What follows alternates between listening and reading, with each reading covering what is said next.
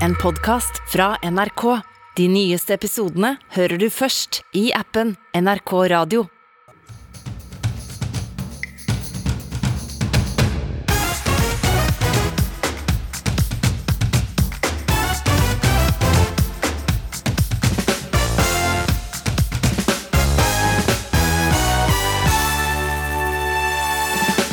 Julie skulle bare ha skyss hjem etter festen, men sjåføren ville heller ha sex. Ja, det beste jeg husker, var at han satt der da naken og dytta hodet mitt eh, ned, da. Hva vil taxinæringa gjøre for at bilen med lys på taket skal være trygg å sette seg inn i? Taliban har reist hjem til Kabul etter Oslo-besøket. Hvordan er det å finne løsninger med folk som ser totalt annerledes på verden, spør vi ungdomsarbeideren og hjelpearbeideren. Har du også skaffa deg koronahund som selskap på heimekontoret? Heng med oss og få vite hvordan du kan lære den å kommunisere på menneskespråk. Ja, velkommen. Du hører på sjølve lyden av lørdagen. Det er ukeslutt på NRK. Jeg heter Håkon Haugsbø, og la deg snart få møte den gullvinnende skiskytteren Emil Hegle Svendsen og den sportsgale skuespilleren Anne Marie Ottersen til debatt om hva OL vi får i Beijing når de norske favorittene ikke ser ut til å havne på pallen, men i isolasjon. Vi er vant med at våre beste langrennsløpere er både smilende og positive folk. Men denne veka så viste flere av de seg å være positive på den gale måten. Både Arild Monsen, Simen Hegstad Krüger, Anne Kjersti Kalvå og Heidi Weng har blitt koronasmitta og havna i isolasjon ei veke før OL starter i Beijing. Enda de har gjort alt de kunne for å styre klar av viruset, slik Heidi Weng fortalte om i ukeslutt for tre uker siden. Akkurat nå så er det sånn at jeg må, må unngå, unngå folk, rett og slett. Eh, unngå å være på stort sett å være på butikken og, og sånne type ting for å holde meg frisk. For eh, ja, da går eh, OL-toget akkurat nå, så kan det gå. Da, da gjør jeg alt for å prøve å holde meg frisk. Men Betyr det at du likevel treffer din kjære litt, eller? Nei, det gjør ikke det. nei. Men eh, så det blir eh, Ja, det blir bra å komme hjem etter OL, for å si det sånn. Ja, slik hørtes det ut for Heidi Weng for tre uker siden, før hun var koronasmitta. Vi har ringt OL-byen i Beijing. Espen Bjervik, langrennssjef, med oss på telefon. Hva er siste nytt fra OL-byen og den norske troppen? Eh, jo, eh, jeg er i, eh, i Kina jeg, og er, er på plass og driver og rigger klart til eh, langrennsløperne kommer over. Hvor gutta kommer over eh, 31. reiser de, og jentene reiser første. Så da får vi håpe at eh, det i hvert fall ikke er noe mer frafall i, eh, i langrennstroppen før de kommer over. Men nå har vi hørt at det er nye, nye personer, utsendinger i støtteapparatet, som sitter i karantene fordi de har restsmitte i kroppen. Dette ser jo ikke til å være slutt, men kanskje akkurat begynt.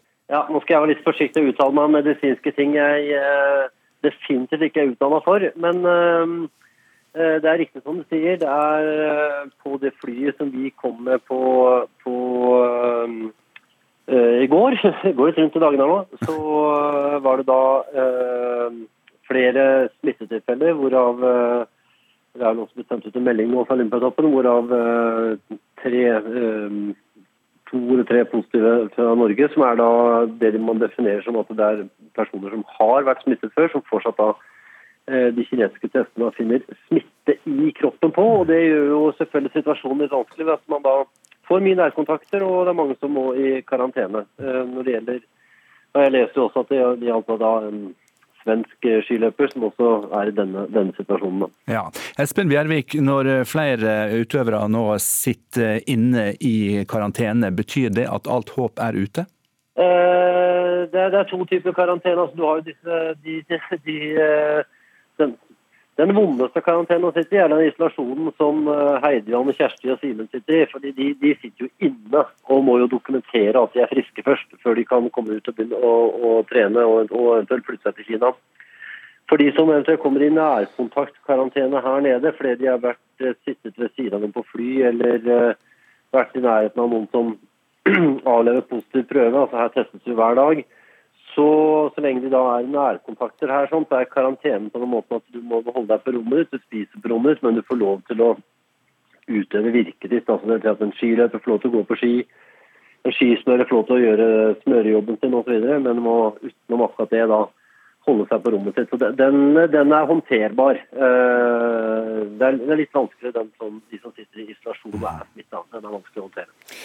Vi så i går at Johannes Høstflot Klæbo han har reist hjem fra Italia i privatjet, betalt av ei bensinstasjonskjede som sponser han, og vi har lest at de smitta utøverne får psykologhjelp. Din trenerkollega Eirik Myhr Nossum sier til VG i dag at dette for andre kan framstå som perspektivløst. Hva sier du til det?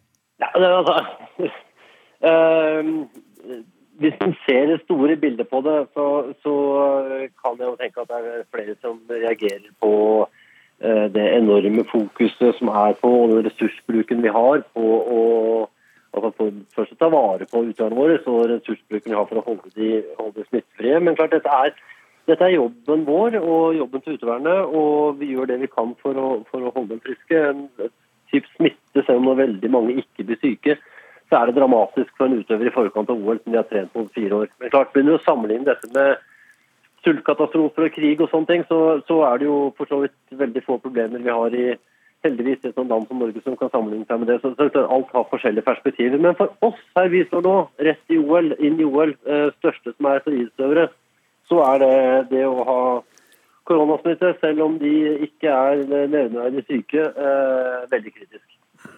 Du har en jobb å gjøre, Espen Bjervik, og du har et OL å rekke. Derfor skal du få springe videre på dagens eh, gjøremål. Vi sier takk til deg, og vi sier velkommen til Jan Petter Saltvedt, sportskommentator i NRK. Jan Petter, kritiske røyster har jo tidligere hevda at den norske dominansen både i skisporet og på medaljeseremoniene nærmest har ødelagt spenninga i langrennssporten. Er dette sånn sett en forfriskende sjanse til å få opp eh, spenninga i sporten?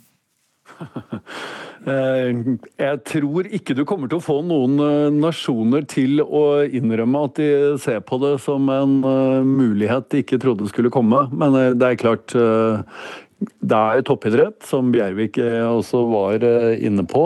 Og toppidretten er kynisk i sin natur.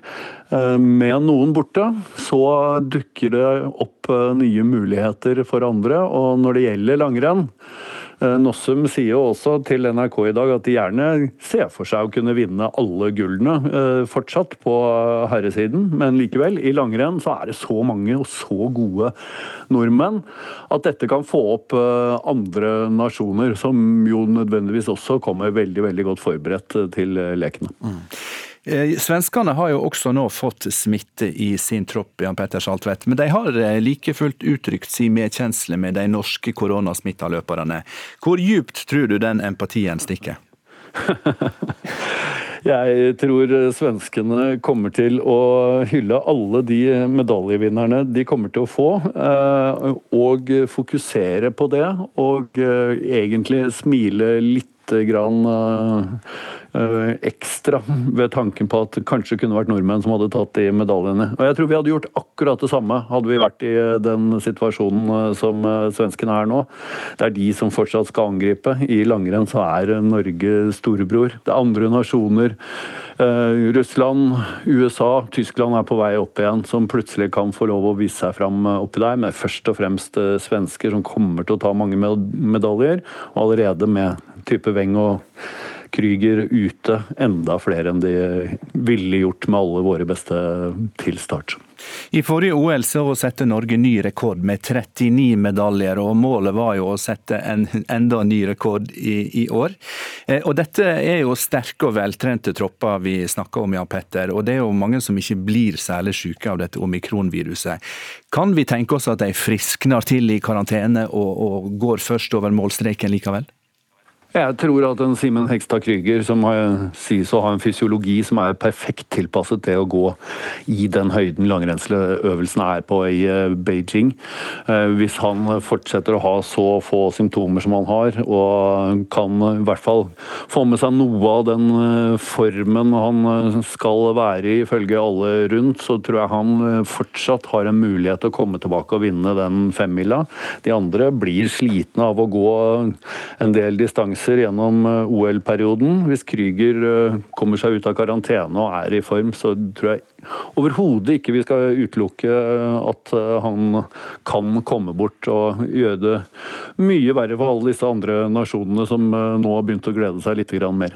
Avslutningsvis Jan Petter, så må vi jo minne lytterne på at dette OL var jo det Norge nesten søkte om å få, og som Norge kanskje da kunne ha fått, hvis du lukker øynene dine og ser for deg dette gigaarrangementet arrangementet på norsk jord. Hva ser du føre deg da?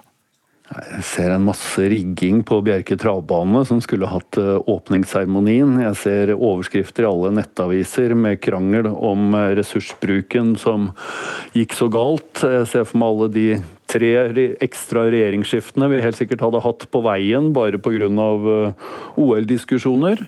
Og så tror jeg kanskje, hvis vi igjen skal arrangere OL, at vi skal være litt glad for at vi tross alt slipper nå. Eh, tomme betongtribuner i eh, Holmenkollen.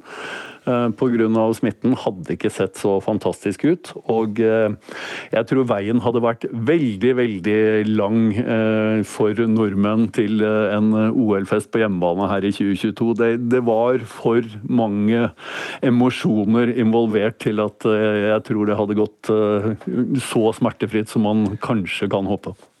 Kampen mot korona og klokka i den norske OL-troppen har blitt en snakkis, lik det eller ei, blant de sportsinteresserte.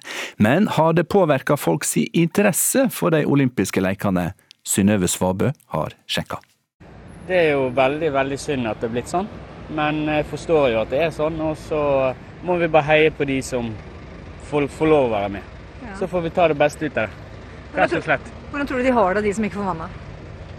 Jeg tror de har det helt forferdelig. De har sikkert trent for dette her i fire år, og så plutselig får de den beskjeden. Så det må være helt grusomt. Nei.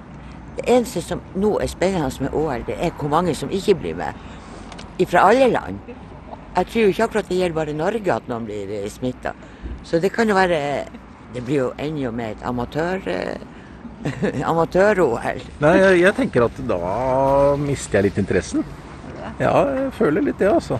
Vi får heie på de nordiske, da, hvis det ikke er noen fra norske som, som kommer nedover. Sitter litt langt inne og heier på svensken, eller? Egentlig ikke. Jeg syns det er greit, jeg. Ja. Men det er for sent å avlyse nå, tenker jeg. Hele OL, det syns jeg også det er. Men eh, kanskje burde man tenkt på det tidligere. Ja. Men du skal støtte nordmennene likevel? Ja, ja. Dere skal følge med vel? Ja, ja. ja.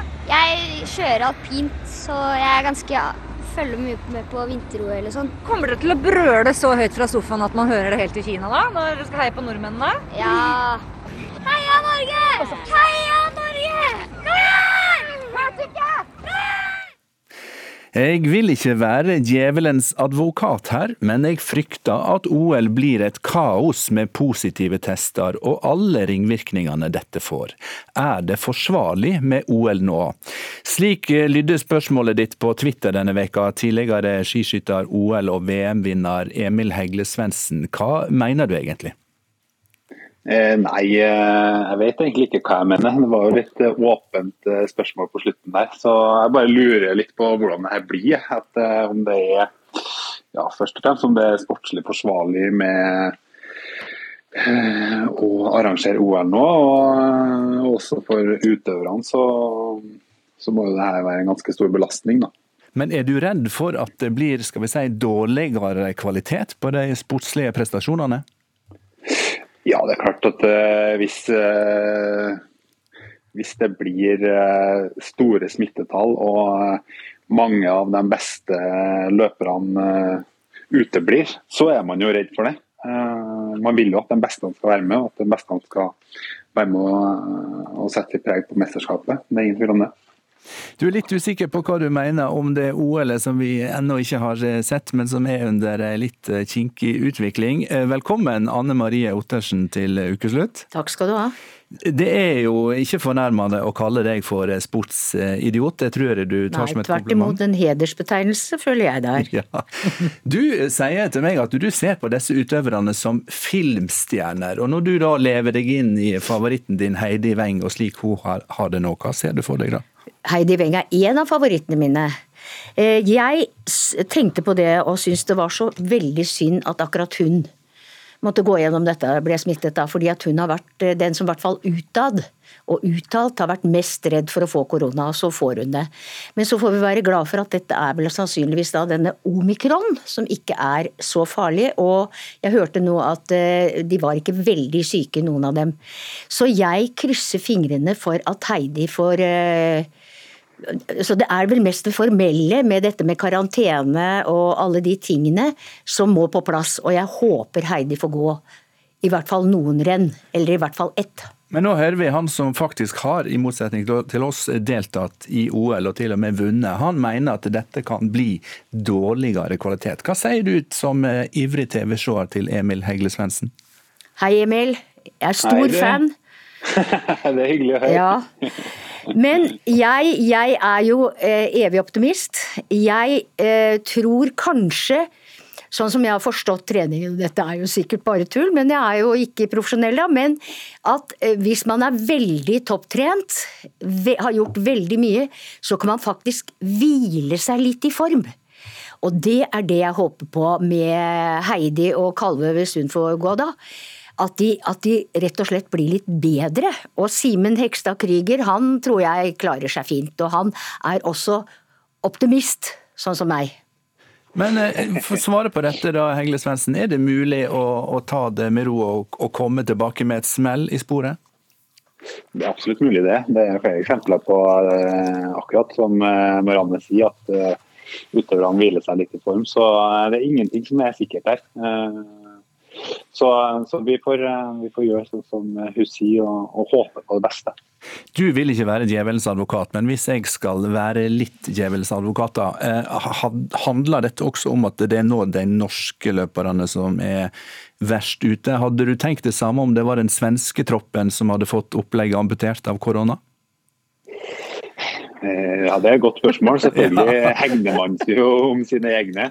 Eh, Men jeg syns det er trist når, eh, når løpere som eh, er i sitt livsform, eh, sånn som Hegstad Krüger var kanskje en av de største favorittene på herresida i langrenn, eh, får det drømmen sin knust av en positiv test her. Det, eh, det kan jeg på en måte kjenne meg igjen i, selv om det, akkurat det ikke har skjedd meg. så Eh, Et OL er på en måte det er karrieredefinerende for oss idrettsutøvere. og det eh, det er kanskje litt vanskelig for folk som ikke eh, har, har vært idrettsutøvere og sett seg inn i situasjonen, men det, det, det, handler nesten, det er nesten så det handler om liv og død for oss. Da. Så jeg tror han er ganske langt nede nå.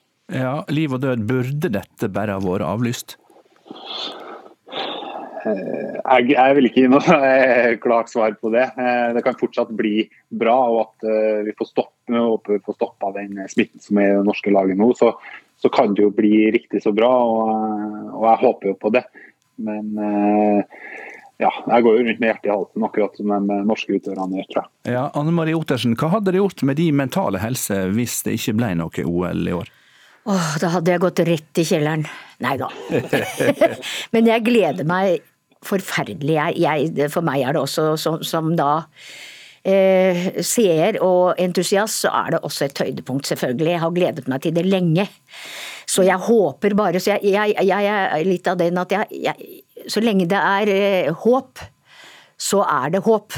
Og Simen sier jo selv at han håper å kunne gå femmila, og hvis han tar gull på femmila, så tror jeg kanskje i hvert fall det vil bli et plaster på såret. Og jeg sier at uh, Bjervik eh, Jeg vet ikke om det var han, men nei, det er uh, han uh, treneren som sier at eh, vi håper på seks gull i herreklassen. Så da håper jeg også på seks gull i herreklassen. Hva tror du, Svendsen, som er eksperten her, er det mulig? Med seks gull? Ja. Ja, Norge jo, har jo fantastisk bredde i langrenn, så alt er mulig fortsatt. Det er det absolutt. Så, eh, selv om Krüger var en stor favoritt, så har vi mange å ta av. Så alt er mulig fortsatt.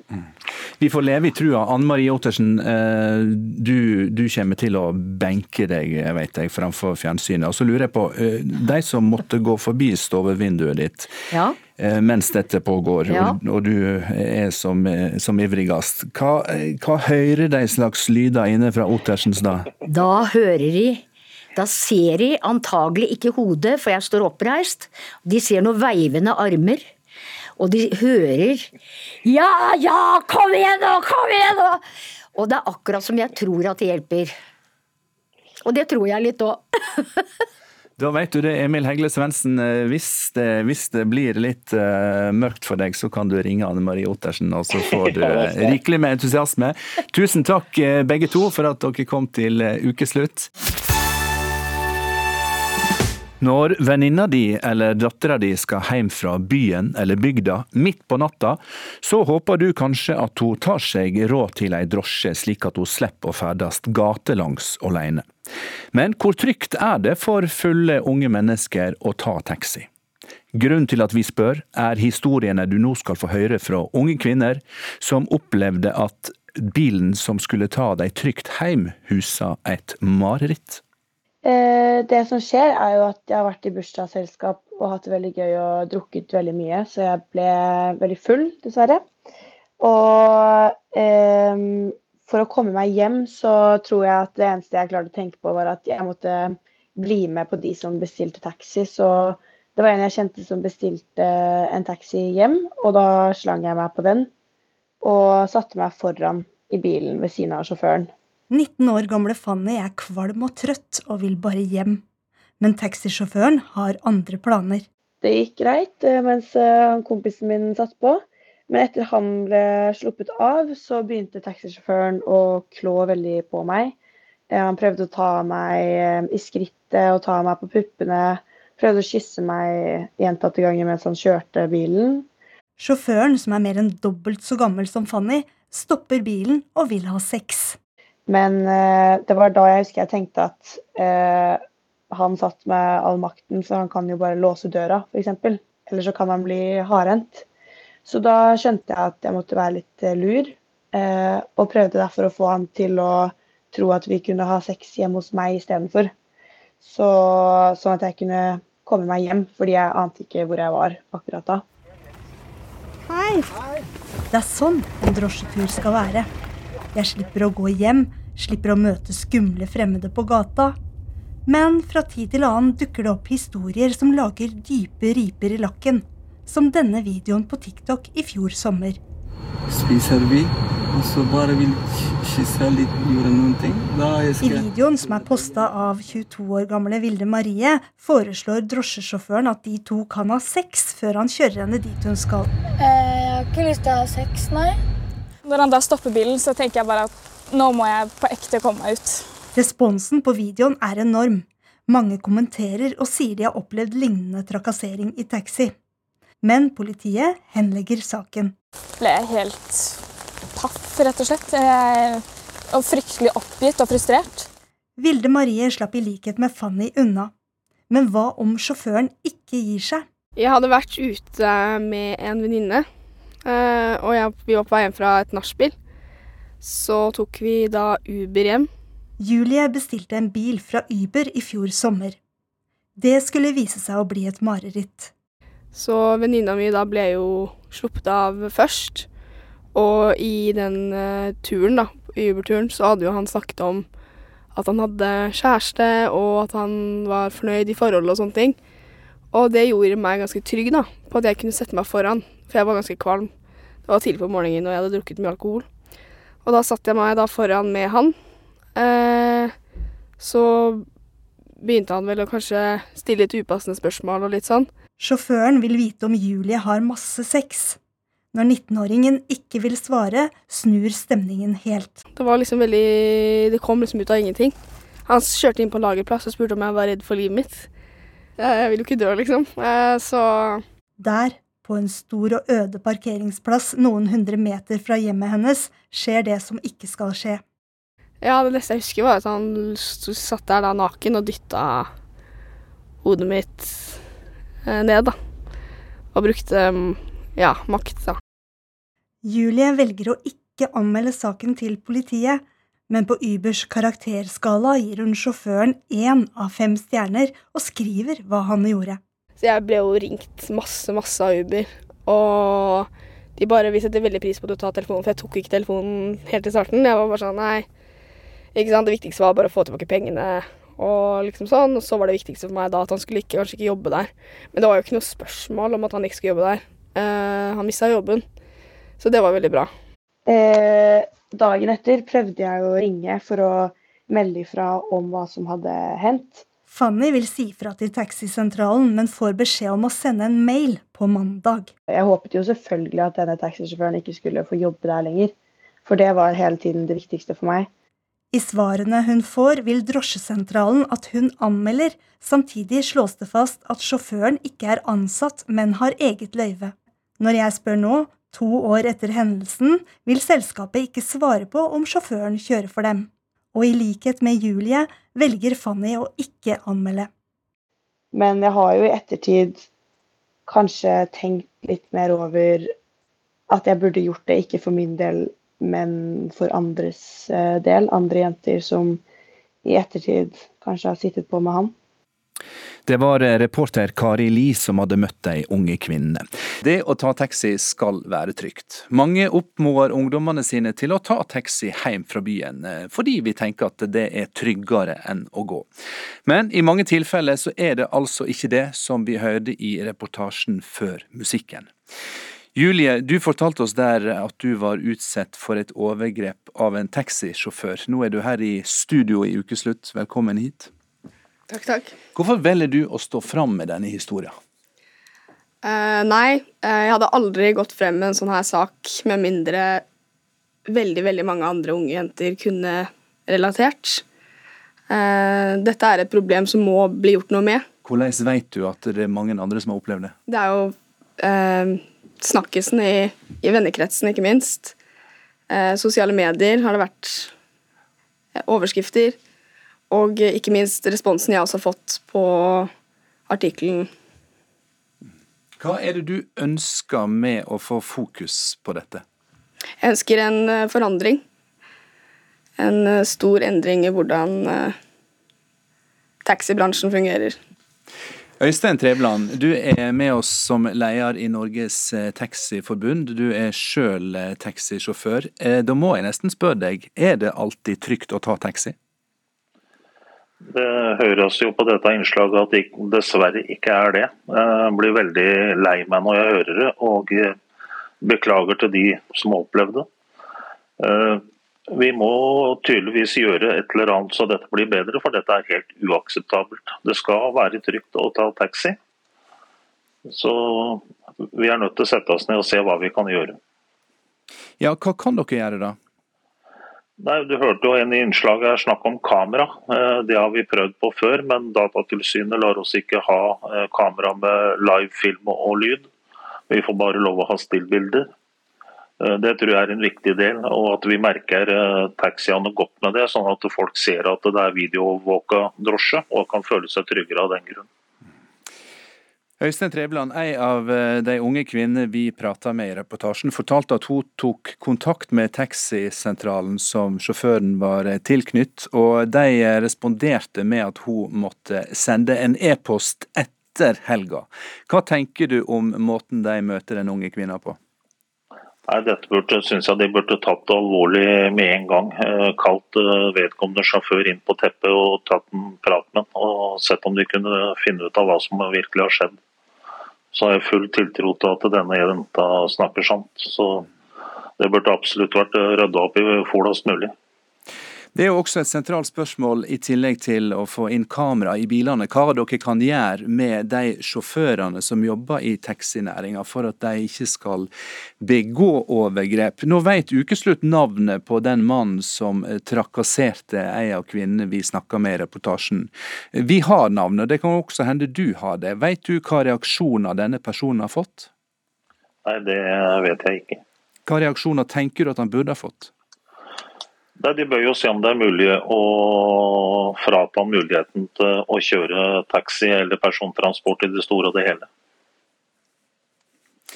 Ok, Vi skal komme tilbake til mer detaljert om dette. Julie, jeg må spørre deg, eh, som vi hørte, du har ikke meldt saka til politiet. Hvorfor gjorde du ikke det? Nei, det var flere grunner til jeg valgte å ikke anmelde i første omgang. Um, for det første så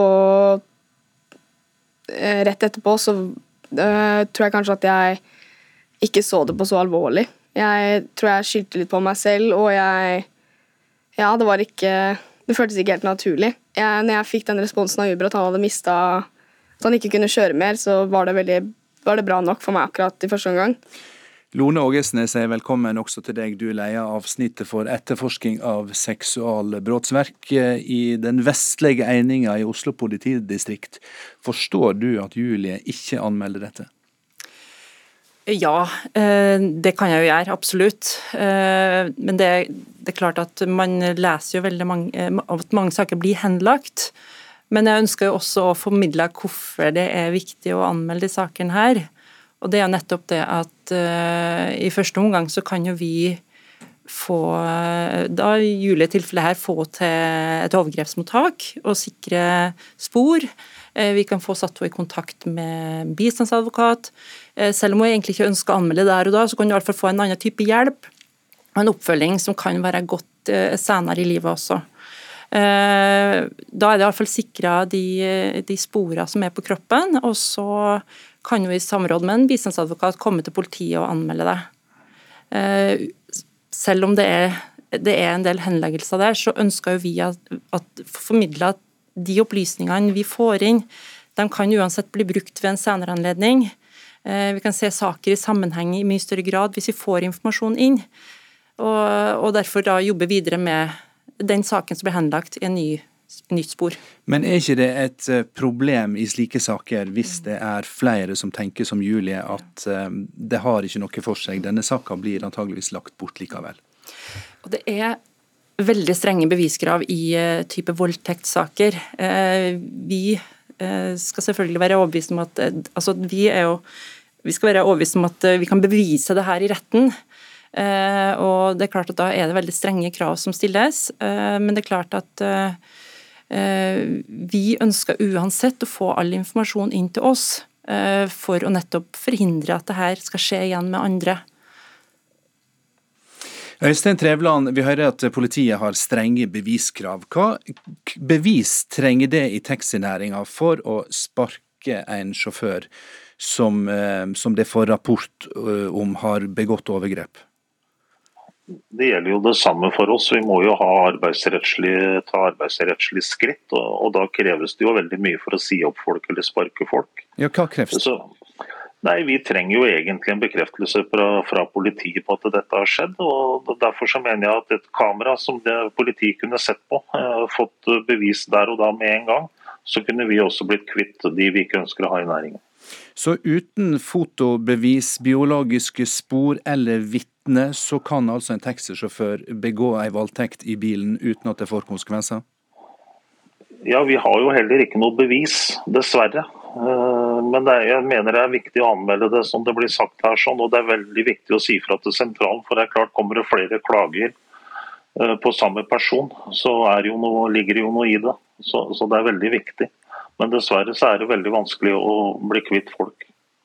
Lone Ågensen, da høres det ikke så rart ut det eh, som blir fortalt her om at dette er det mange som opplever. Eh, Julie har fått mye, mye, respons etter dette. Hva er politiets inntrykk? Eh, Nei, altså vi, vi, får jo eh, med jevne mellomrom nettopp sånne meldinger til oss også. Eh, enten i form av at, eh, at, noen ønsker å bare melde fra om en taxisjåfør, men ikke ønsker å anmelde det. Men det er også en del som tar kontakt med oss og ønsker å anmelde det.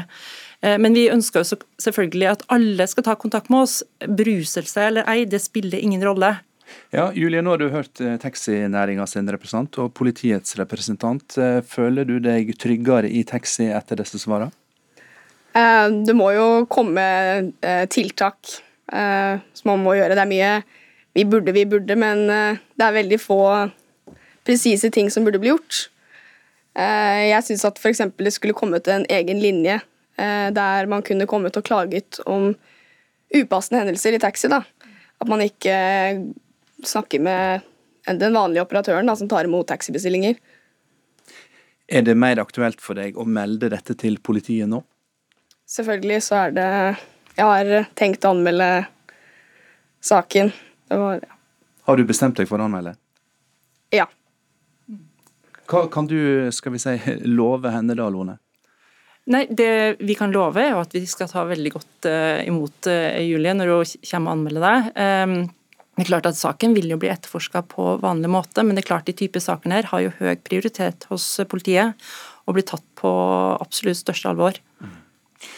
Da kan dere forlate studio og gjøre papirarbeidet med politimeldinga. Så skal jeg si takk alle tre, ikke minst eh, takk Julie for at du kom og fortalte historien din. Takk også til Øystein Trevland fra Norges Taxiforbund og Lone Ågesen fra Oslo politidistrikt. Nå varsler regjeringa lempinga av koronatiltakene i ei kunngjøring som er venta tirsdag klokka 19. Og alt blir jo en vane, sies det. Så hvor klare er vi nå egentlig etter to år i pandemien for å endre de nye vanene, med meteren, håndsprit, munnbind og karantene? Og ikke minst kaste den snikende uroa og engstelsen over bord. Synnøve Svabø har møtt mannen og kvinna i gata. Nei, nå er det på tide. Det er jo det. Flesteparten er vel vaksinert, og sykehusene er vel kontroll på. Så da er det vel bare å åpne. For... Men du går med munnbind nå, kommer du til å fortsette med det? Eh, ja, jeg gjør nok det. Så lenge smitten er så høy som den er nå, så er det greit å gjøre det. Men eh, det skal bli deilig å bli kvitt det. Syns du det går for fort, eller tenker du at det er deilig nå? Nei, nå var det på tide. Jeg er egentlig lei hele greien. Jeg har ikke lyst til å gå med munnbind heller. Jeg tror vi er ferdig med det. Jeg tror vi må bare få det og bli ferdig med det. Jeg gleder meg. Jeg er lei, som mange andre. Jeg tenker at vi får det allikevel. Helt sikkert, de sier jo det. Jeg tenker litt at uh, en situasjon da, hvor jeg er arbeidsgiver og har uh, en del ansatte, så er vi jo både nasjonalt og internasjonalt. Jeg ser den virksomheten vi har internasjonalt, den har fått korona. Og det skaper problemer for dere, altså kundene igjen, da, eller våre oppdragsgivere. Forsiktig optimisme kan vi konkludere med. Ja, men han er pessimist, jeg er optimist. Yin og yang, sa de. Jeg tenker at folk er møkk lei, og det skjønner jeg, men det er jo ikke over, da. Nei, altså jeg syns jo det er deilig. Og samtidig så er jeg veldig glad for at vi har hatt strenge reaksjoner. Jeg syns det har vært fint. Du klarer sjarmøretappen? Jeg håper det. er du klar for en ny vår nå? Det er jeg. det er jeg. Nå har jeg kjøpt eh, sjøkreps, så nå skal jeg kose meg. Kos deg masse. I like måte. Ha det. Ha det. Denne veka kunne vi lese ei ytring på nrk.no som konkluderte med at nok er nok, og det er forfatteren sjøl som leser. There is more to life than avoiding death. Livet er et glass i godt lag. Livet å være i en mengde på en fotballkamp eller en konsert. Livet er en familiefest med barn og barnebarn. Livet er fellesskap, en arm rundt skulderen, latter og tårer som deles på mindre enn to meters avstand. Slipp omikron løs, det er vår. Ja. Takk skal du ha, Christian Gundersen, professor i fysiologi, og velkommen til ukeslutt. Deler av denne teksten må sies hadde du eh, lånt av en annen opphavsmann for å understreke poenget ditt, nemlig at nok er nok. Hvorfor skal vi slippe alt fri nå? Ja, dette var lord Sumpton, da, britisk høyesterettsdommer, um, som skrev veldig tidlig i epidemien, faktisk uh, første gang vi stengte ned. Nei, altså vi må jo Altså balansen mellom da um, tiltaksbyrde og sykdomsbyrde har jo endret seg vesentlig. Og um, vi er nok kommet til et punkt nå hvor uh, hvor vi må gi slipp. altså Vi må liksom ut av epidemimodus. Det må ikke liksom bli at uh, Eh, defaulten, som det heter på godt norsk, altså det vi liksom, som er normalsituasjonen, er at, er at vi sitter i husarrest og at vi er i isolasjon osv. Eh, Preben Aavitsland sa jo nå at den eneste andre sykdommen som trigger eh, trigger isolasjon, er jo, er jo tuberkulose. Da, så vidt jeg skjønner ubehandlet tuberkulose. Så et, I normale tider så er dette et ekstremt tiltak. Men burde Men, vi ha gjort disse endringene tidligere, mener du, eller er det nå det er tida? Jeg tror nok det er eh, Altså dette er vanskelig fordi at vi snakker om altså det som er eksponentiell vekst, altså at det vokser fortere og fortere og fortere. Og fortere. Og Det er en form for vekst som er veldig brysom da, i, i biologien, og vi er en del av de snakker om biologi her. Så plutselig så blir det veldig veldig mange som blir smittet samtidig. Og selv om da den individuelle dødeligheten og sykeligheten er moderat, og det har den for vært gjennom hele epidemien, eh, så blir det veldig veldig mange på et i et veldig kort tidsrom. Fordi vi smitter en stor del av befolkningen. Det er ikke, det er ikke som influensa, først og fremst fordi at uh, vi har veldig lite immunitet mot det. Så når f.eks. vi hadde disse scenene i, i, Bergamo, så skyldes nok det at uh, sykeligheten og dødeligheten ble samlet på en måte i et ekstremt kort tidsrom. Men jeg syns at man kunne vurdert Eh, detaljer i tiltakene. Et av problemene er at vi vet jo ikke egentlig hva som virker og ikke virker. Vi tror vel at det virker å gjøre tiltak i en samlet pakke, men vi kunne kanskje f.eks. latt være å stenge ned skolen i starten, for det var noe av det som var kraftigst. Velkommen også Sigrid Bratli. Du kaller deg samfunnsengasjert molekylærbiolog, og du er også strategisk rådgiver i Kreftforeninga. Det er bare en drøy måned siden du advarte mot at vi skulle bli slepphendte med smittevernet. Hvorfor det? Fordi på det tidspunktet, da vi sto i slutten av november, så hadde vi akkurat fått eh, omikron på radaren. Og på det tidspunktet så hadde vi utrolig lite kunnskap om hva det innebar. Vi eh, hadde noen anekdotiske bevis fra Sør-Afrika bl.a. om at vi kanskje sto overfor en situasjon hvor eh, sykdomsbyrden ville bli mindre alvorlig. Men jeg mener at på det tidspunktet så var det kunnskapsgrunnlaget så tynt at det ville vært helt uansvarlig å slippe omikron fri da. Dette føre-var-prinsippet, som en jo kan kalle det, eh, det var jo i sitt opphav tenkt, som, tenkt om mindre inngripende tiltak. Hvor vellykka vil du si at det prinsippet har vært for vårt samfunn? I, under pandemien, tenker du? Mm. Jeg tror det har vært eh, lurt. Jeg tror Norge har kommet relativt sett ganske godt ut av dette sammenlignet med, med mange andre land. Og føre-var-prinsippet er godt forankra i norsk politikk og forvaltningspraksis eh, generelt. Så, um, og det, dette handler jo om å ta beslutninger under usikkerhet, og denne situasjonen har vært utrolig uforutsigbar, foranderlig og basert på eh, kunnskap som vi nesten ikke har hatt. Gundersen, du sier at nå er det på tide å ta hensyn til de av oss som ikke er så redde. Hvem er det du tenker på da? Nei, ja, meg selv f.eks. Men og, og, og, store deler av samfunnet er jo, ikke, er jo, ikke, så veldig redde for å bli syke. Mange av de jeg snakker med, i hvert fall. Jeg har ikke noe tall på det, men de, det er jo ikke det de er redde for. De fleste, iallfall nå, begynner å irritere seg veldig over, over tiltak. Uh, mye mer enn en, en redselen for å bli smittet. Og så er det på en måte det at vi må jo da, som lord Sumpton sier, leve våre liv, ellers så blir jo dette bare en, et livet bare et venteværelse foran døden. Og det har vi på en måte holdt på med i, i to år nå. Når det gjelder føre-var-prinsippet, så er det problemet med det er, at det er liksom uendelig. Altså, du, kan, du kan da aldri være forsiktig nok. Og det, det, det, er et problem. Det er liksom, ja, det er føre var. Og da, da, da, er det alle andre argumenter må liksom vike for det. Og det, det syns jeg er veldig problematisk. Eh, og det, det, brukes nå på en måte veldig mye, det begrepet. Og fremdeles, hvis du følger med på internett og sånn, så Twitter og sånn, så er det jo fremdeles en ganske stor sånn helsetwitter-gruppe som, som, fremdeles vil ha tiltak, og begrunnelsen flytter seg. ikke sant? Først var det sykdom og død, og så er det eh, intensivkapasitet, og så er ikke det noe problem lenger. Og så da er det primærhelsetjenestekapasitet. Og, og, så er det jo da long covid, og så er det, er det jo å beskytte de, de sårbare gruppene.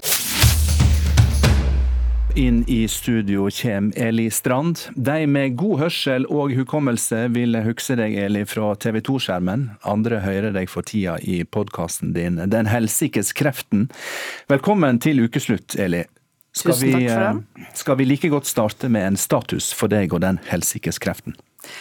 Ja, nå har jeg gått på immunterapi i eh, et halvt år, og så fikk jeg nylig beskjed om at eh, den ikke virka. Så det var et stort slag eh, for meg. Jeg er jo da uhelbredelig kreftsjuk. Det fikk jeg vite for to år siden, og har vært på en berg-og-dal-bane siden da. Hadde håp om at immunterapi skulle hjelpe meg, så, så ble ikke det sånn. Så nå eh, blir det vurdert andre behandlingsformer for å holde meg i live så lenge som mulig. Men det er dessverre sånn at med den medisinen som finnes i dag, så kan ikke jeg bli frisk igjen.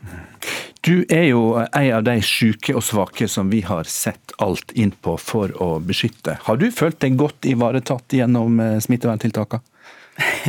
Ja, jeg har jo det. Jeg, ser jo at samfunnet har ofra utrolig mye for både gamle og kronisk syke. Det har vi jo virkelig gjort. Mange har ofra arbeidsplassene sine. Tenk på det. Folk har ikke kunnet gått ut og tatt seg en øl og holdt liv i utelivet rundt omkring. Så, så ofra har vært store, så jeg må jo si ja. Men, men jeg tror ikke jeg er en representant for de som er så takknemlige. For jeg har prøvd å og, og leve livet så normalt som mulig disse to åra. Men hvordan har du greid det med alle de avgrensningene og tiltakene? Jeg tok rett og slett et valg om at jeg, jeg hadde ikke mer plass til redsel inni meg, så jeg, jeg, har ikke vært redd for det. Jeg, jeg, var så heldig at jeg ikke har vært redd. da. Eh, og jeg har selvfølgelig fulgt rådet. Jeg har vaksinert meg tre ganger, og jeg har brukt munnbind på trikken. Men jeg har tatt trikken, jeg har gått på butikken eh, daglig. Jeg har vært ute og tatt eh, pilsen min når jeg har fått lov til det. Og jeg har liksom hele tiden balansert der, da. Og så har jeg latt sønnen min eh, på 16 få lov å ha litt mer enn eh, to nærkontakter. Eh, han må huske på de unge og er jo ei gruppe som, som, ikke får tilbake igjen ungdomstida si. Så vi, vi, vi, må prøve å, å, holde ting i gang, altså. Men hvorfor har du, som vi alle har på en måte fått beskjed om å ta hensyn til, hvorfor har du tatt disse sjansene? Det var for at jeg, For to år siden så fikk jeg beskjed om at jeg kanskje bare hadde to år igjen å leve. Og skulle det bli, som professoren her sier, to år på dødens eh, venterom, det ville jeg ikke, altså.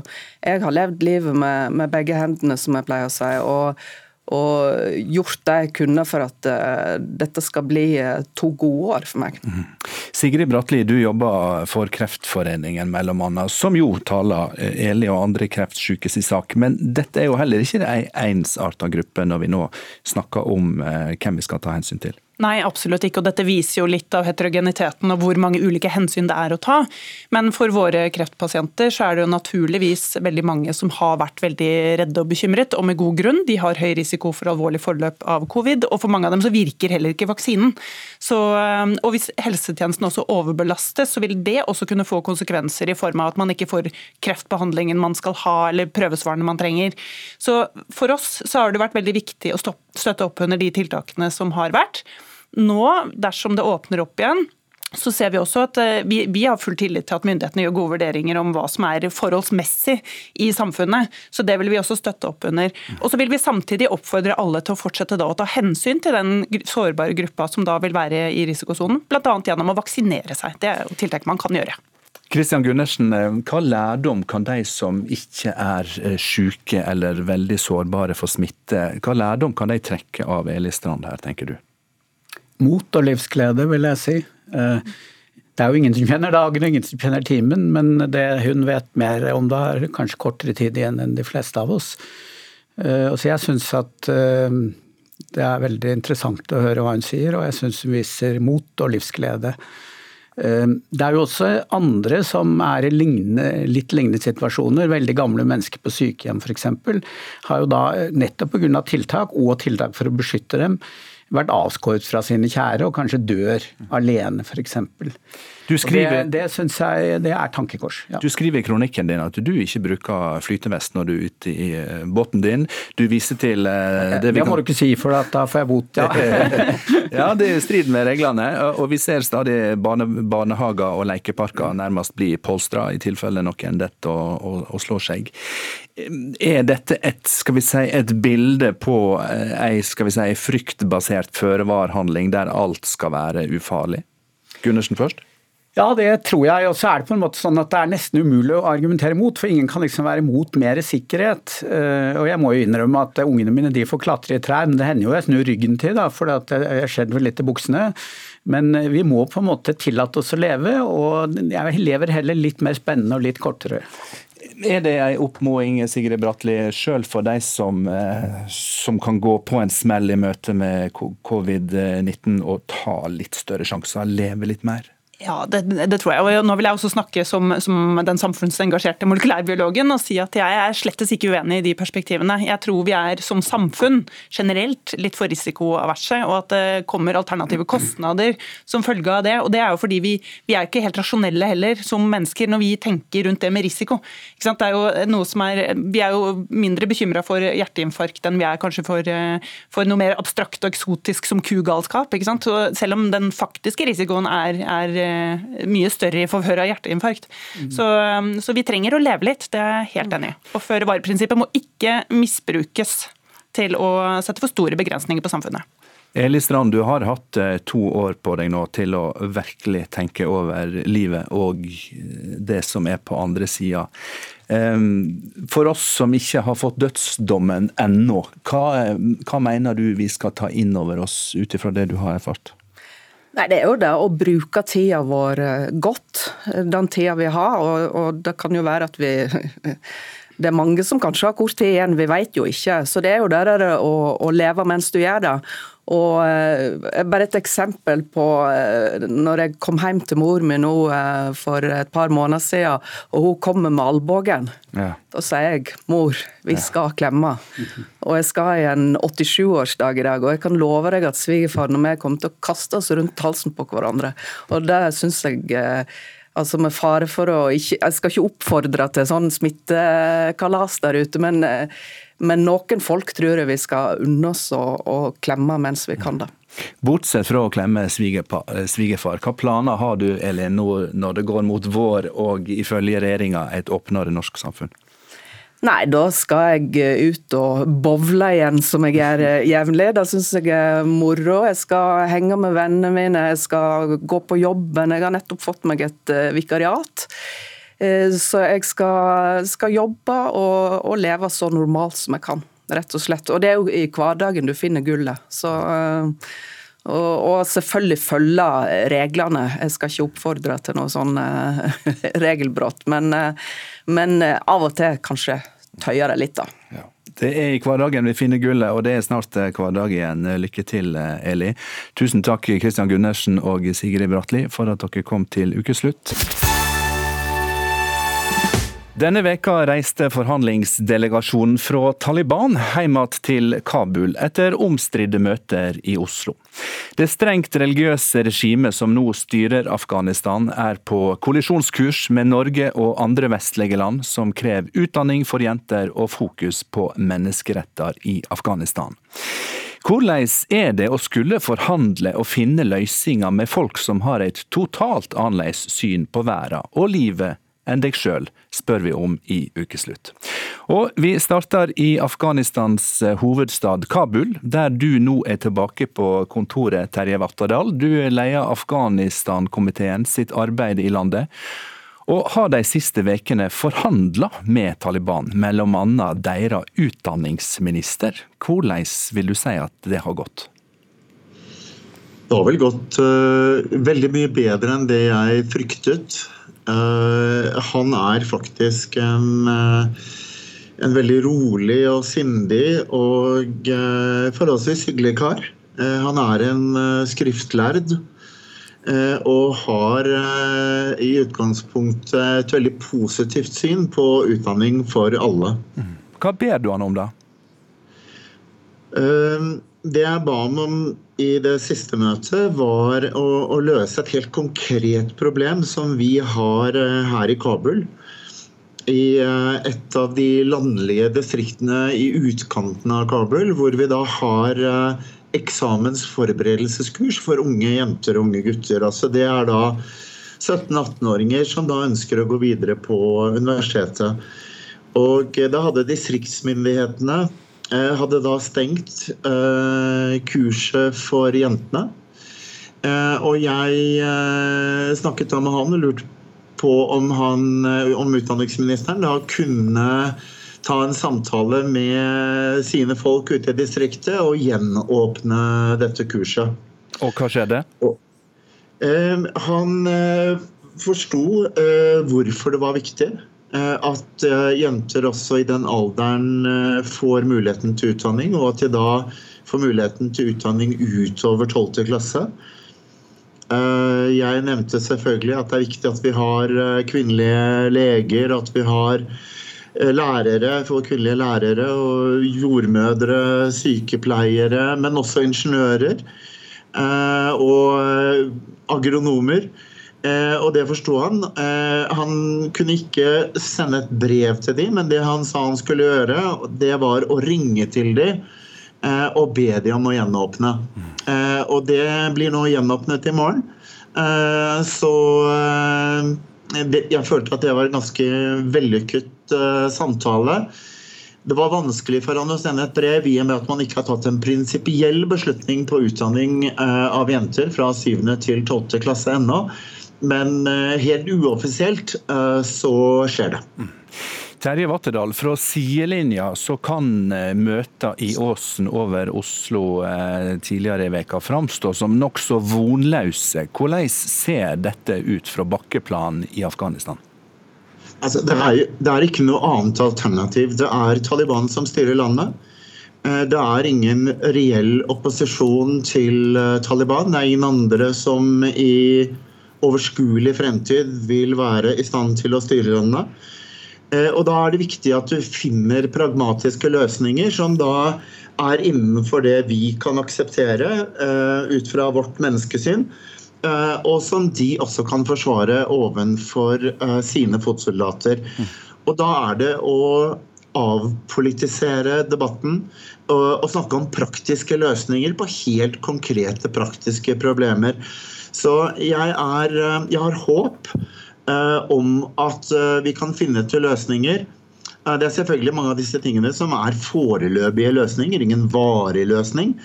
Men jeg føler at det beveger seg i riktig retning. Så her på bakken i Afghanistan, blant de aller fleste av mine kollegaer og venner, uansett hvilket, hvilken etnisitet de er, menn og kvinner, politisk, etnisk bakgrunn, Eh, så er man forsiktig optimistiske, og man har håp til det initiativet som Norge tok. Mm.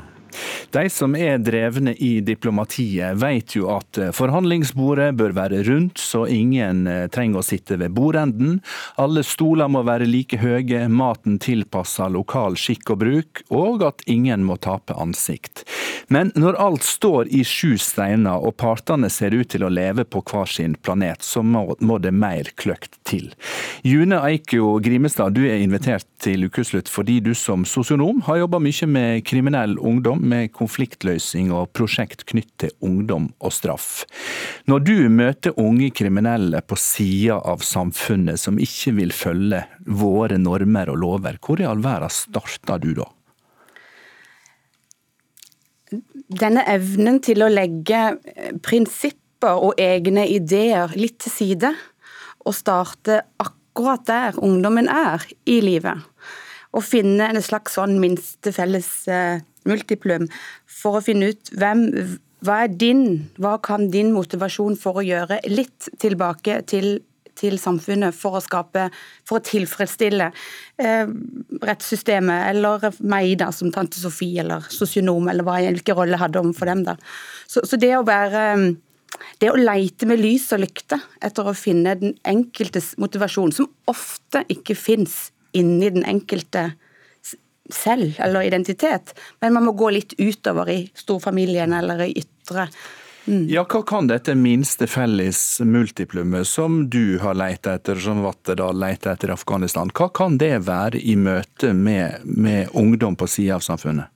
Det vi i hvert fall har lært, vi som jobber med, med, med ungdom som har falt utafor, det er nødvendigvis ikke Eh, henvende seg direkte til dem og spør eh, hva vil du, eh, hva er din motivasjon? Fordi de er så fastlåst i sin syn på seg selv og hvem de er. og Dette er jo ikke noe som har skjedd i løpet av de tre siste månedene, dette har skjedd gjennom år. Så da er kunsten da å kunne gå ut. Alt ifra bestemora som lever et helt annet sted i landet, eller i et annet land. Hvordan er det for dine foreldre? Det å bringe inn andre momenter ungdommen, fra ungdommens liv, da, ikke bare her nå, men også historisk, og også inn i framtiden. Mm. Hvem type pappa vil du være? Hvis jeg møter deg på Stovner-senteret når jeg er 70 og går med stokk. Mm. Fordi dette er jo unge mennesker som står i skvisen mellom sjølve livet, slik som det har blitt for dem, og mm. samfunnet slik vi vil det skal være. Mm. Er da løsninga å skal vi si, spille på dårlig samvittighet, kanskje ikke for offeret som ble banka opp eller rana, men for foreldre, besteforeldre som er skuffa og lei seg? Her er det jo veldig ulik på hva som rører i den enkelte ungdomsliv. Det, det, og det, det, er jo det kunsten er å finne, litt sånn som Vatnedal sier for Afghanistan, hvor kan du finne akkurat den bevegelsen akkurat nå? Og da, da må man på et vis gå litt fra de der store prinsippene, ideer om rettssikkerhet og likebehandling, for å skape endring. Mm. Terje Vatterdal, i møte med et regime som er djupt fundert i religiøs overtying, så representerer du jo den delen av verden som Taliban har sett på som okkupanter. Eh, hvordan går du fram konkret for at ikke alt skal gå i lås når du leter etter løsninger? Så nå er jeg i den heldige situasjonen at eh, jeg representerer en organisasjon som har vært på bakken i over 40 år. Eh, også sist gang Taliban styrte. Så jeg tror det er veldig få som ser på oss som, som representanter for en okkupasjonsmakt. Eh, og det, er, det, gjør jo at jeg eh, stiller heldig i diskusjonene med eh, representanter for Taliban. Jeg var jo da ute på landsbygda i Andar, et veldig konservativt distrikt i Ghazni-provinsen, og hadde da lignende samtaler. Og da er det jo å snakke med folk. Eh, og ikke snakke til dem. De er mektig lei av å bli snakket til. Uh, viser respekt for at vi har helt forskjellige syn på hvordan verden skal utvikle seg videre. Uh, men som da uh, min meddebattant her nevnte, at man da finner individuelle løsninger. Altså hvordan kan man nå fram til en felles forståelse. Og det er viktig å ha prinsipper, men man må ikke være en prinsipprytter. Men det er klart det fins eh, grenser for hva vi, er, eh, hva vi er i stand til å gi etterpå. Og det gjør det jo også hos de. Så denne gjensidige respekten, finne enkle, praktiske løsninger. Og vi er alle mennesker, og vi er kanskje litt mindre forskjellige enn det vi ofte skulle tro, selv om vi da har et veldig forskjellig verdensbilde. Eh, de som jeg snakker med, er glad i hustruene sine, de er glad i barna sine. De ønsker utvikling for sine distrikter. Og da er det å finne de løsningene som kan bidra til, til det. Så hittil eh, Jeg kan ikke si, se inn i en glasskule og se hvordan dette her blir i månedene fremover. Men hittil så har vi eh, nærmest fått gjennomslag på alt det vi har spurt om. Nå er jo eh, forhandlingene skal vi si, så vidt i gang, og ei løsning er jo ikke helt opp i dagen. Eh, June Grimmestad, hvis du skulle gi et eh, tips til de som sitter i UD og planlegger neste forhandlingsrunde med, med Taliban, hva vil du basert på din erfaring gi deg slags råd? Ja, Det var jo en stor oppgave. Som, men som sosionom, da, så er vi jo opptatt av dette her igjen hvor er vi akkurat nå, og hva er neste skritt? Og så litt det med å ikke nødvendigvis planlegge eh, sluttproduktet. For det tenker vi har en tendens til fra øvrigheten rundt forbi. Det er liksom å planlegge sluttproduktet.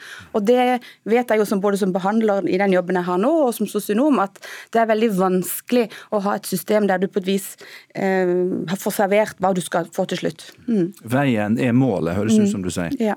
Mm. Da skal jeg si tusen takk til Terje Vatterdal som var med i Ukeslutt Eh, fra eh, Kabul i Afghanistan, og takk til June Eikio Grimestad. Mange av oss eh, har skaffa oss en ny koronakompis i den mørkeste natta. Av den typen som logrer når vi kommer hjem, blir med på tur, og som sier voff, voff. Men har du som har hund noen gang lurt på hva den egentlig vil? Eller hva den føler? Og forstår den egentlig hvor lenge du blir borte når du etter hvert skal tilbake på jobben? Hunden Fanny kan faktisk snakke litt med eieren sin, for ved hjelp av et brett med knapper så kan hun trykke på det ordet hun ønsker å si. Møt Fanny, en ti måneder gammel briar som ligner ganske mye på labbetuss. Hun hilser som unge hunder pleier, ved å hoppe opp og snuse skikkelig på meg.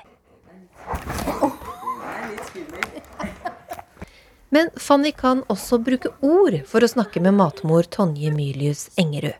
Jeg kan jo trykke på de forskjellige, da.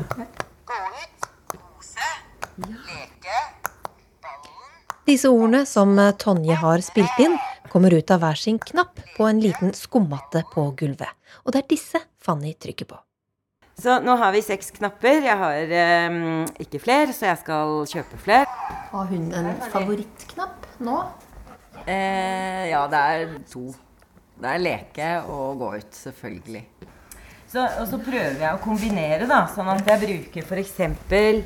Eh, leke pluss en av knappene. Så da kan vi eh, gjøre det sånn at jeg trykker først på den. Leke. Og så Og da forventer jo jeg da at hvis hun ber om det, så um, er det bamsen vi skal leke med. Og det vil jeg følge opp. Jeg vil følge opp med å bruke den tingen hun velger, da. Det er viktig. Så de lærer. Å dra? Skal vi leke å dra? Se her, Fanny. Tonje Mylius Engerud har blitt inspirert av TikTok-kjendisen Bunny. Den snakkende hunden som har mange millioner følgere. Yes, that's right. Now it's morning. Bunny har et stort lydbrett med over 80 knapper med ord som i dag, i morgen, familie, glad, sint. Den har jo beskrevet drøm, hva drøm er. Eh, Da har den trykket at eh, drøm er natteprat. Eh, Den har hatt lange diskusjoner som jeg syns var veldig fascinerende. Eh, hvor den prøver å gruppere, da. Eh, hvor den trykker på sitt eget navn og sier at den er eh, et dyr. Den trykker på morens navn og sier at hun er et dyr. Eh, og så prøver hun å introdusere at den er hun, og hun er menneske. Eh, og så spør den er jeg menneske. Nei, du er hun. Og så holder de på med det, da. Vi, er begge animals, men eh, you are a dog, og I am a human, ikke sant? Yes, I human friend, that's right. Skeptikerne vil tro at det er mer tilfeldigheter og flaks som gjør at det ser ut som Bunny trykker seg fram til ganske kompliserte setninger. Og så, og, så, og så tenker jeg man skal ha en, en god dose skepsis også.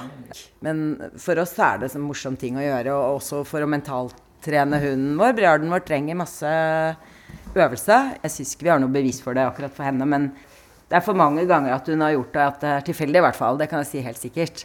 Men forskere ved universitetet i California undersøker nå i hvilken grad hunder ved hjelp av slike lydbrett kan uttrykke seg med språk.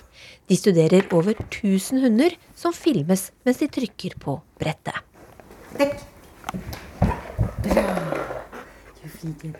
Fanny trener også på helt vanlig kommunikasjon, men det er én stor fordel med å ha en knapp for å si at hun vil ut. Skrapte av malingen på håndtaket på verandadøren, og nå bruker hun heller knappen, da. Trykker på 'gå ut'. og så hadde vi en veldig gøyal eh, sak her, fordi at hun hadde vært litt masete en dag, og så prøvde jeg meg på denne knappen her, som er kose. Kose. Og da så hun på meg, og så trykket hun tre ganger raskt på gå ut-knappen. Så veldig irritert. Ikke noe kosing. Ikke noe kosing. Denne briarden skal ut og gå. ja. Skal vi gå ut? Skal vi gå ut og tisse? Ja, At noen hunder kan kommunisere med eierne sine på eh, tilnærma menneskespråk, er jo en fascinerende tanke. Spesielt for de som ennå ikke har fått bikkja si til å forstå hva sitt eller gi labb betyr i det travle tilværet mellom heimekontor, heimeskole og heimebarnehage. For mange nordmenn har brukt koronapandemien til å skaffe seg hund. Ifølge Norsk Kennelklubb er det registrert nesten 30 000 nye hunder i fjor, og det er en økning på rundt 10 Spørsmålet nå, Maren Teien Rørvik, er hva hundeliv som er i vente når mennesker skal tilbake på kontoret.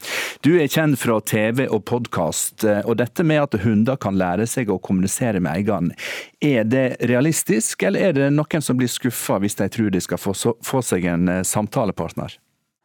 Ja, jeg syns jeg har det uten å ha knapper og bilder tilgjengelig. da. Jeg har lange samtaler jeg, med mine hunder, eh, og føler at jeg får svar også. Eh, Jeg, tror vel kanskje ikke at det der er fremtiden for folk flest, men jeg veit om at folk bruker det litt mer for moro skyld. At de lærer hunden at når de trykker på knappen for at de vil ut, så slipper de ut. Og at de kan trykke på en knapp for ball, så får de ball. Altså sånne enkle, enkle ting som gjør at eh, folk lettere forstår hva hunden ønsker, da. Mm. Nå skal ikke vi snakke så mye mer om Pavlovs eh, hunder, Maren, fordi du er jo spesialist på hundeatferd. Og det som er spørsmålet, hva skjer nå med sjelslivet til alle disse nyinnkjøpte koronahundene, når eh, sagt, vi voksne skal tilbake til en mer normal hverdag? Ja, det, det, varierer nok veldig mellom ulike folk hvordan det har vært i pandemien. Men mange har jo vært litt på jobb, og, og jeg regner med at de fleste har vært en tur på butikken eller besøkt en bestemor uten å ha med seg hunden. Så jeg vil jo tro at de fleste hunder har fått litt tilvenning til det å være alene hjemme. Hvis man ikke har liksom, isolert seg og levd helt unødvendig eh, mye hjemme. Eh, så hvis man har levd eh, sånn som det har gått an, så burde de fleste hunder ha fått en opplevelse av det å være litt alene hjemme allerede, da. Mm. Men du, hva gjør et flokkdyr som hunden eh, når jeg, han eller hun er alene? Når ikke vi er der. Hva skjer da? Nei, Da slapper de av. De gjør jo litt av det samme som når vi er der. Altså Hunder de er jo aktive når vi gjør ting sammen, og når vi er ute på tur og sånt. Men de som nå har sittet på hjemmekontor, har vel antagelig observert det at det hunden gjør hele arbeidsdagen, det er at den slapper av. Tusler litt fram og tilbake og drikker litt vann kanskje og bytter liggestillinger. Men den slapper jo av. Eh, og det er jo planen, i hvert fall, at den skal gjøre også når vi er på jobben. De fleste hunder vil nok ikke oppføre seg så veldig annerledes om vi er der eller ikke.